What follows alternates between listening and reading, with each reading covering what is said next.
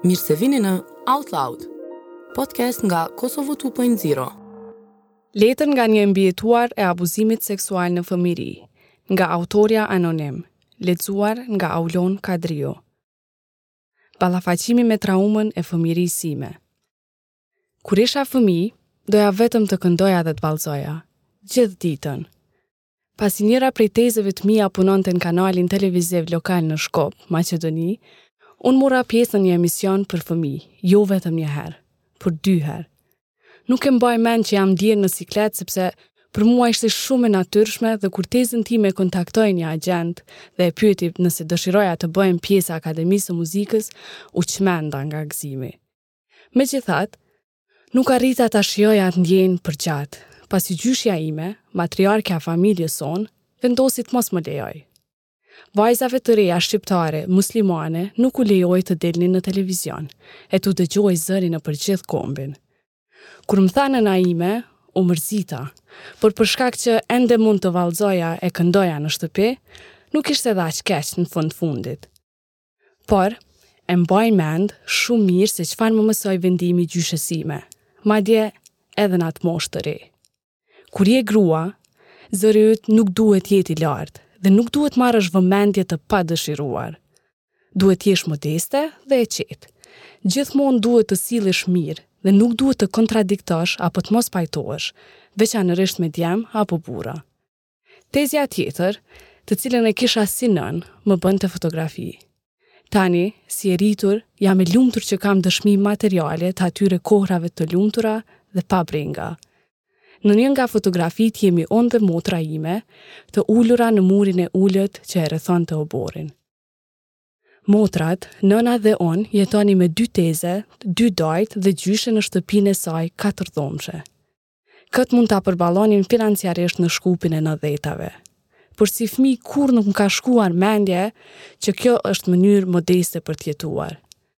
Babai im veçse ishte duke jetuar dhe punuar në Zvicër dhe po na mbështeste financiarisht.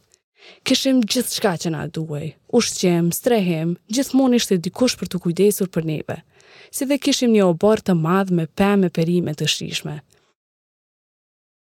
Shtëpia jonë ishte mes një qarku të ngjeshur me plot ndërtime, i njohur si qark i populluar me shqiptarë dhe boshnjakë. Të gjithë rreth nesh ishin ose familjarë ose njerëz që ishin bërë pothuajse si familjarë, për shkak se familjet tona ishin njohur mes vete me dekada, Ishte një komunitet i afërt i njerëzve që ndanin shumë gjëra mes vete, që qeshnin dhe qanin së bashku, që kujdeseshin për njëri tjetrin dhe fëmijët e njëri tjetrit. Familja jonë ishte më e afërt me vëllaun e gjyshës sime, i cili jetonte afër në një shtëpi me gratë e tij, një vajzë dhe tre djem. Vëllai i gjyshës sime, do ta quaj Enver, ishte patriarku më i madh i lagjes sonë. Pasi me martesën e parë kishte vetëm vajza, ai u martua përsëri dhe u bë me tre djem. Ai jetonte në një shtëpi të madhe me dy gratë dhe fëmijët e tij. Ndonëse Enveri gjithmonë punonte shumë për të siguruar jetesën për familjen e tij, edhe të tjerët kujdeseshin shumë për të. Më kujtohet qartë se si të gjithë ngriteshin në këmbë kur ai hynte në dhomë. E përshëndesnin atë dhe praninë e tij me respektin më të madh. Enveri ishte më i moshuar se gjyshja ime, kështu që ishte figura e autoritetit. Edhe për djemtë e tij, kujdeseshin si për Enverin. Edhe ata e kishin respektin e të tjerëve, madje edhe kur ishin të vegjël. Ndonëse kishte hapësirë për të jetuar jashtë rregullave, me kënaqësi e qeshje, marrëzi dhe lojra, në komunitetin tim kurrë nuk mund të dyshohej në njerëzit si Enveri, të paktën jo haptas. Kur ai hynte në dhomë, duhej të ngriteshim dhe ta përshëndesnim. Po të mos e bëje këtë, të delte problem që nuk e ke respektuar. Kur ai tha se gratë nuk kanë pse të pyeten për çështje të lagjes, të gjithë thjesht u pajtuan me të. Fjala e gjyshës sime ishte më e fuqishme në shtëpinë tonë, dhe ajo tha që Enverin duhej ta dëgjonim. Supozoj se gjyshja ime kishte përvetësuar këtë mënyrë të mendimit për një kohë të gjatë. Dhe pasi vdiq burri i saj, ajo iu kthye burrit që e kishte më afër, vëllaut të saj të madh. Niveli i ligjeve patriarkale dallonte nga familja në familje, nga komuniteti në komunitet. Por kultura shqiptare ishte dhe ende është në shkallë të lartë, një kulturë me rrënjë të thella në strukturat dhe rregullat patriarkale. Kultura maço, e ngulitur nga djepi dhe praktikat e vjetra islamike, ishin faktori kryesor i përbashkët në shoqëri, dhe ato nuk mund të viheshin në dyshim. Si fëmijë, kurrë nuk i kam vënë në dyshim këto praktika. Isha e preokupuar duke bërë shokë e shoqe, duke shkuar në shkollë, apo duke kënduar e duke eksperimentuar me rroba me motrën time. Dhe për shkak se nuk kisha arsye për të mos i besuar askujt, e veçanërisht jo familjarëve të mi. Luaja me djemtë e Enverit, ndonjëherë në lagjën time e ndonjëherë në shtëpinë e tyre të madhe. Të tre ishin më të moshuar se unë. Të paktën për 4 vjet. Vraponim në oborrin e tyre, luanim sheftas apo shkonim në market për të blerë gjëra. Ishte shumë e natyrshme dhe askush s'kishte arsye për të dyshuar se po ndodhte diçka e keqe kur fëmijët po luanin me fëmijë. Të paktën kështu mendova unë. Shpesh e shikoj fotografinë ku jemi ulur unë dhe motra ime në atë mur të ulët të oborrit. Dukemi shumë të lumtura në atë fotografi. Oborri prapa nesh është i lulëzuar dhe i bukur. Motra ime është e veshur me një fustan vere e unë me shorce dhe një majicë me vija të kuqe dhe të bardha. Por, kur e shikoj atë fotografi tani, e shoh shtëpinë e Enverit prapavijë, si një fantazmë që ma shkatron fëmininë time t'lumtur. Më shumë se dy dekada më vonë, rri e ulur në tavolinën e kuzhinës së shtëpisë së prindërve t'mi, duke qajtur e duke u përlarë me ta. Tash e 18 vite jetojmë në Zvicër dhe jam ballafaquar me vështirësi sa i përket ruajtjes së dy identiteteve, shqiptare dhe zvicerane. Ndonëse vështirësitë ishin të ndryshme për të dyja. Kur mora lajmin se nëna dhe motrat po shkonin për t'jetuar në Zvicër, me babain tim në kërkim të një jete më të mirë, kisha ndjenja të përzira. Në njërën anë, kisha dëshirë ta eksploroja një pjesë tjetër të botës dhe të takohesha me njerëz të ri. Në anën tjetër, isha shumë e pakënaqur që duhet ta lija tezën, e cila ishte bërë si nënë për mua. Gjithashtu, kisha bërë shumë miq në shkollë dhe në lagjen time, dhe isha e shqetësuar që po shkoja në një shkollë të re, në një shtet që nuk e kisha parë kurrë, as në hartë. Lëre më që nuk e flisja asnjë fjalë gjermanisht, Kështu që komunikimin e kisha të kufizuar brenda familjes. E kur e mendoj tani, largimi nga familja dhe vendosja në një ambient të ri, e mundësoi shpërfaqjen e traumës që e kisha përjetuar në fëmirinë time të hershme. Pas traumave të ndryshme gjatë viteve të adoleshencës dhe moshës së hershme madhore, e gjeta veten duke hyrë në një repart psikiatrik kur isha në mes të njëzetave.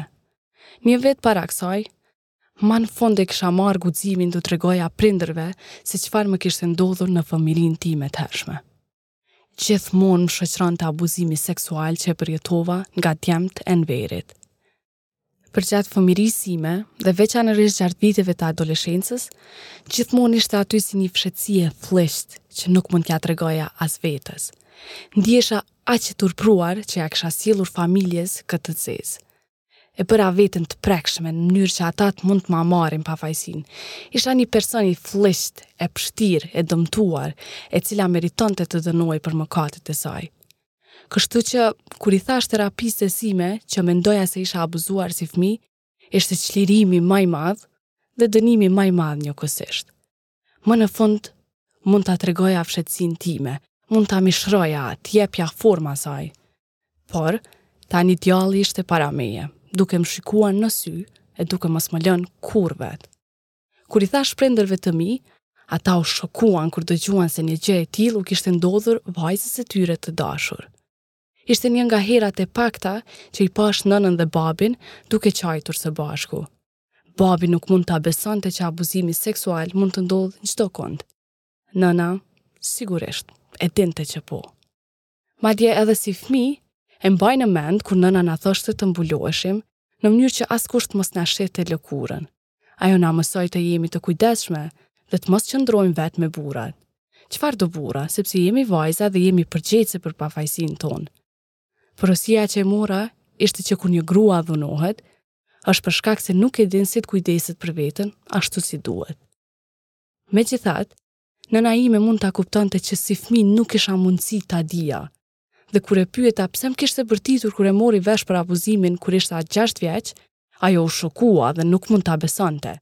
Ajo tha që kurrë nuk i kujtohej të më ketë dënuar në çfarëdo mënyre. Në fakt, Ajo kurrë nuk e kishte kuptuar për abuzimin. Unë e kujtoj që ndodhi disa herë gjatë pranverës apo verës dhe sa herë kishte ndodhur e kisha veshur maicën me vija të bardha dhe të kuqe. Gruaja e Enverit, Gjyli, e dinte që ne po luanim në kolm dhe ajo më ndihmonte për ta veshur maicën pasi ktheheshim në kat të parë. Ajo kurrë nuk më kishte pyetur pse e kisha maicën zhveshur e as çfarë po luanim lart në kolm. Më kujtohet kur u ktheva në shtëpi një herë dhe nëna ime po më bërtiste që kisha luajtur me djemtë e Enverit. Ajo tha që duhet të isha më e mençur e të mos i hyja problemeve të tilla. E gjyshja ime i tha nënës sime të mos e përmend këtë gjë më. Ajo tha se ishte diçka që kishte ndodhur vetëm një herë dhe që nuk duhet ta bëjmë të madhe. A mund ta paramendoni sa e madhe do të bëhej në lagje po të flisnin që ishte abuzuar një fëmijë? U rrita duke menduar se nëna gjithmonë e kishte ditur dhe që më kishte lënë mua përgjegjësinë për faktin që isha abuzuar. Besoj që ajo më mendonte si të pavlerë, të dëmtuar dhe që i kisha turpruar familjen.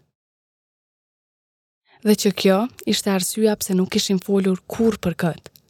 Tani që jam më e rritur dhe kam folur me nënën time për dhunën seksuale në familjen tonë, I besoj kur thotë se nuk ishte ditur asgjë për këtë, sepse tani e kuptoj që, sikur unë, ajo ishte heshtur prej njerëzve rreth saj për të mos folur kurrë për çfarëdo lloj dhune. Duhet t'i mbash gjërat brenda familjes e të mos turpërosh kurrë familjen, të mos dëmtosh nderin e tyre. Hesht dhe kryeje punën tënde si grua, qetësisht zbatoji dëshirat e burrave. Nëse vuan nga dhuna, mos fol për të se do ta turpërosh familjen tënde. Do ta kafshosh dorën që t'ushqen. Më vjen keq që nëna ime nuk e kishte guximin të fliste me mua, sepse heshtja e bëri më të rëndë abuzimin dhe hapësirë për një cikël të ligë të vetëfajësimit, të ndjenjës së turpit dhe përgjegjësisë, kur në fakt të gjitha këto janë ndjenja me të cilat duhet të ballafaqohen autorët e krimit. Por, si mund ta di këtë një person kur rritet në një kulturë që i hesht gratë në bazë ditore?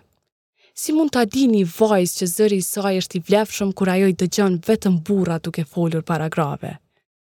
Pasi fola me prindërit e mi për abuzimin, më dukej se kishte nisur një proces tjetër.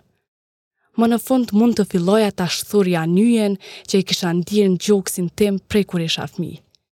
Dhe vetëm pas shumë vitesh, mund ta shihja qartë se ajo që më kishte ndodhur s'kishte të bënte asgjë me mua si person, por kishte të bënte gjithçka me autorët e krimit.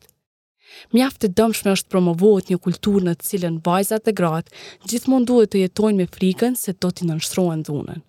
Edhe më e dëmshme është t'u thuash pastaj atyre grave që nuk mund të flasin për këtë, që nuk mund ta përmendin askujt sepse ka ndodhur shumë më moti dhe nuk do nxjerrë asgjë të mirë prej saj. I privon nga një e drejtë themelore njerëzore, që është ajo për ta ngritur zërin kur ndodh diçka e keqe. E edhe nëse e ngrisin zërin, ka pasoja të rënda. Shumë gjëra do të kishin qenë më mirë po të kishin ndodhur ndryshe.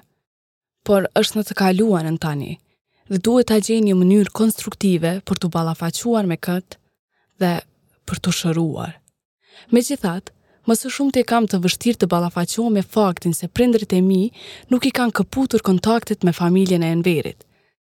Edhe pse e dinë çfarë ka ndodhur, ata u janë bindur rregullave të komunitetit tonë për të mos e përmendur kurrë dhe për të mos ia lënë përgjegjësinë askujt.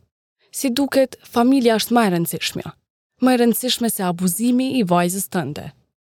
Një gjë tjetër që po vazhdon të më shkaktojë ankth, është ajo që ma tha nëna para disa muajve. Para dy vitesh, doli që njëri nga djemtë e Enverit e kishte abuzuar një tjetër kushërirë të tij, nga ana e nënës së tij. Pasi u martua, ajo kishte treguar babit dhe bashkëshortit të saj dhe ata e konfrontuan Enverin dhe djalin e tij. Si reagim ndaj kësaj, babai dhe bashkëshorti i gruas e kërcënuan atë, duke thënë që nëse Enveri apo njëri prej djemve të tij dalin prej Shkupit dhe vijnë në qytetin ku jeton kushërirja e tyre me familjen e saj, ata nuk premtojnë për sigurinë e tyre. Ata nuk i informuan policinë që djemtë e Enverit të japin përgjegjësi para ligjit dhe të tjetërsohen nga shoqëria.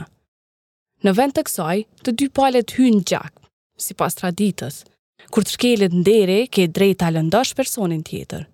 Duhet të bësh gjithçka për ta kthyer nderin. Këtë ia ke borxh familjes dhe komunitetit. Ajo që më bën tepër nervoz, është që po të kishim folur prindërit e mi, ndoshta gruaja tjetër nuk do të ishte dhunuar. Por edhe më keq është që tani e di se cikli nuk është thyer. Edhe pas gjithë këtyre viteve dhe pas kush e di sa viktimave, djemtë e Enverit e vetë Enveri kurrë nuk kanë dhënë përgjegjësi për veprimet e tyre. Ata vazhdojnë të jetojnë pikërisht në të njëjtën mënyrë siç kanë jetuar gjithmonë. Dhe shumica e njerëzve nuk e njohin karakterin e tyre të vërtetë dhe nuk dinë për krimet që i kanë kryer. Kur isha në repartin psikiatrik, nëna ime foli me tezën që e dua më së shumti dhe i tha që nuk jam mirë. Nëna i tha që një nga arsyet ishte abuzimi për të cilin askush nuk ishte në dijeni deri atëherë. E si reagoi tezja? A mund të pyesni? A ishte e shokuar dhe e pikëlluar për atë që më kishte ndodhur? Nëna ime më tha që tezja i kishte thënë se të gjitha këto gjëra që po i them unë kishin kaluar moti. Pse ta tjerrim këtë gjë pasi kishte kaluar aq shumë kohë? Pse t'i shqetësojmë njerëzit? Jam i sigurt që tezja ime ishte dhe ende është e pikëlluar sepse ajo më do shumë. Por reagimi i saj tregon pikërisht pse nuk kam folur unë për abuzimin tim me dekada. Sepse edhe ajo ishte rritur në një shoqëri ku kushtëzohesh ta fajsosh veten kur të ndodh diçka e tmerrshme. Të mësojnë të besosh që zëri yt si vajzë apo grua nuk ka rëndësi, madje edhe kur të bën dikush keq. Mos e bëj veten qendër të vëmendjes duke kërkuar drejtësi. Duhet të pajtohesh me rregullat dhe ta gjesh një mënyrë për t'u ballafaquar me të. Por jam e stërngopur me gjithë këto. Në fakt, gjithmonë kam qenë e vetëdijshme, e zëshme, e kam ngritur zërin për veten dhe të drejtat e mia. Gjithë jetën jam detyruar të luftoj për të më marrë seriozisht. Të luftoj për të mos u shtypur nga sistemi që më ka heshtur mua dhe plot të tjera me dekada. Dhe tani që më në fund e kam gjetur zërin tim, po bërtas me gjithë fuqinë, po bërtas për atë vajzën e vogël, po bërtas për nënën, motrën dhe shoqet e mia, dhe po bërtas për çdo grua që është keqtrajtuar ndonjëherë. Jam këtu dhe ju dëgjoj, ju besoj, ta thyejmë patriarkinë së bashku. Por, po e shkruaj këtë artikull anonimisht. Jo sepse nuk jam e gatshme të dal dhe shihem. Jam. Megjithatë, nuk dua njerëz të pafajshëm në historinë time të pësojnë kur unë ta them të vërtetën. Sado paradoksale që mund të duket kjo, pasi që unë besoj se vetëm e vërteta mund të na çlirojë, unë besoj se kur ta lexoni këtë, do t'i kuptoni arsyet e mia për ta mbrojtur familjen time. Sidoqoftë, unë prapë se prapë jam produkt i familjes dhe kulturës së lartpërmendur shqiptare. Kur diçka është një e fshehtë e hapur, të gjithë disi e dinë por askush nuk flet për të, sepse pasojat janë tepër të rënda. Një tjetër arsye mund të jetë që thjesht nuk e ke fjalorin të flasësh për gjëra për të cilat nuk bën flitet. M'u deshën disa vite terapi për t'i gjetur fjalët për ta përshkruar atë që kishte ndodhur. Mekanizmat e heshtjes, si tallja, kërcënime të nënkuptuara apo të kuptuara, të përjashtimit social e tjera apo turpërimi e tjera, janë aq të fuqishme dhe jo gjithmonë praktika të qarta. Kanë rrënjë aq të thella në kulturën mizogjiniste, saqë duken si normale. Tani që gjithnjë e më shumë gra po e gjejnë zërin e tyre, Ne jemi duke kundërshtuar këtë kulturë. Po bashkohemi si një forcë për ta shkatërruar patriarkinë që gati na shkatërroi neve. Kështu që mos u dorëzoni. Folni qartë dhe zëshëm. Dhe nëse mësoni diçka nga përvoja ime, mësoni që shërimi mund të fillojë vetëm kur e vërteta del në shesh.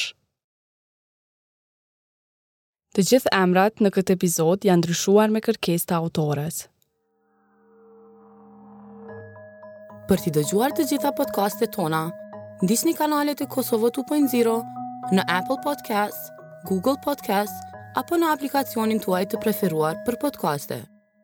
Gjeni më shumë në kosovo2.0.com.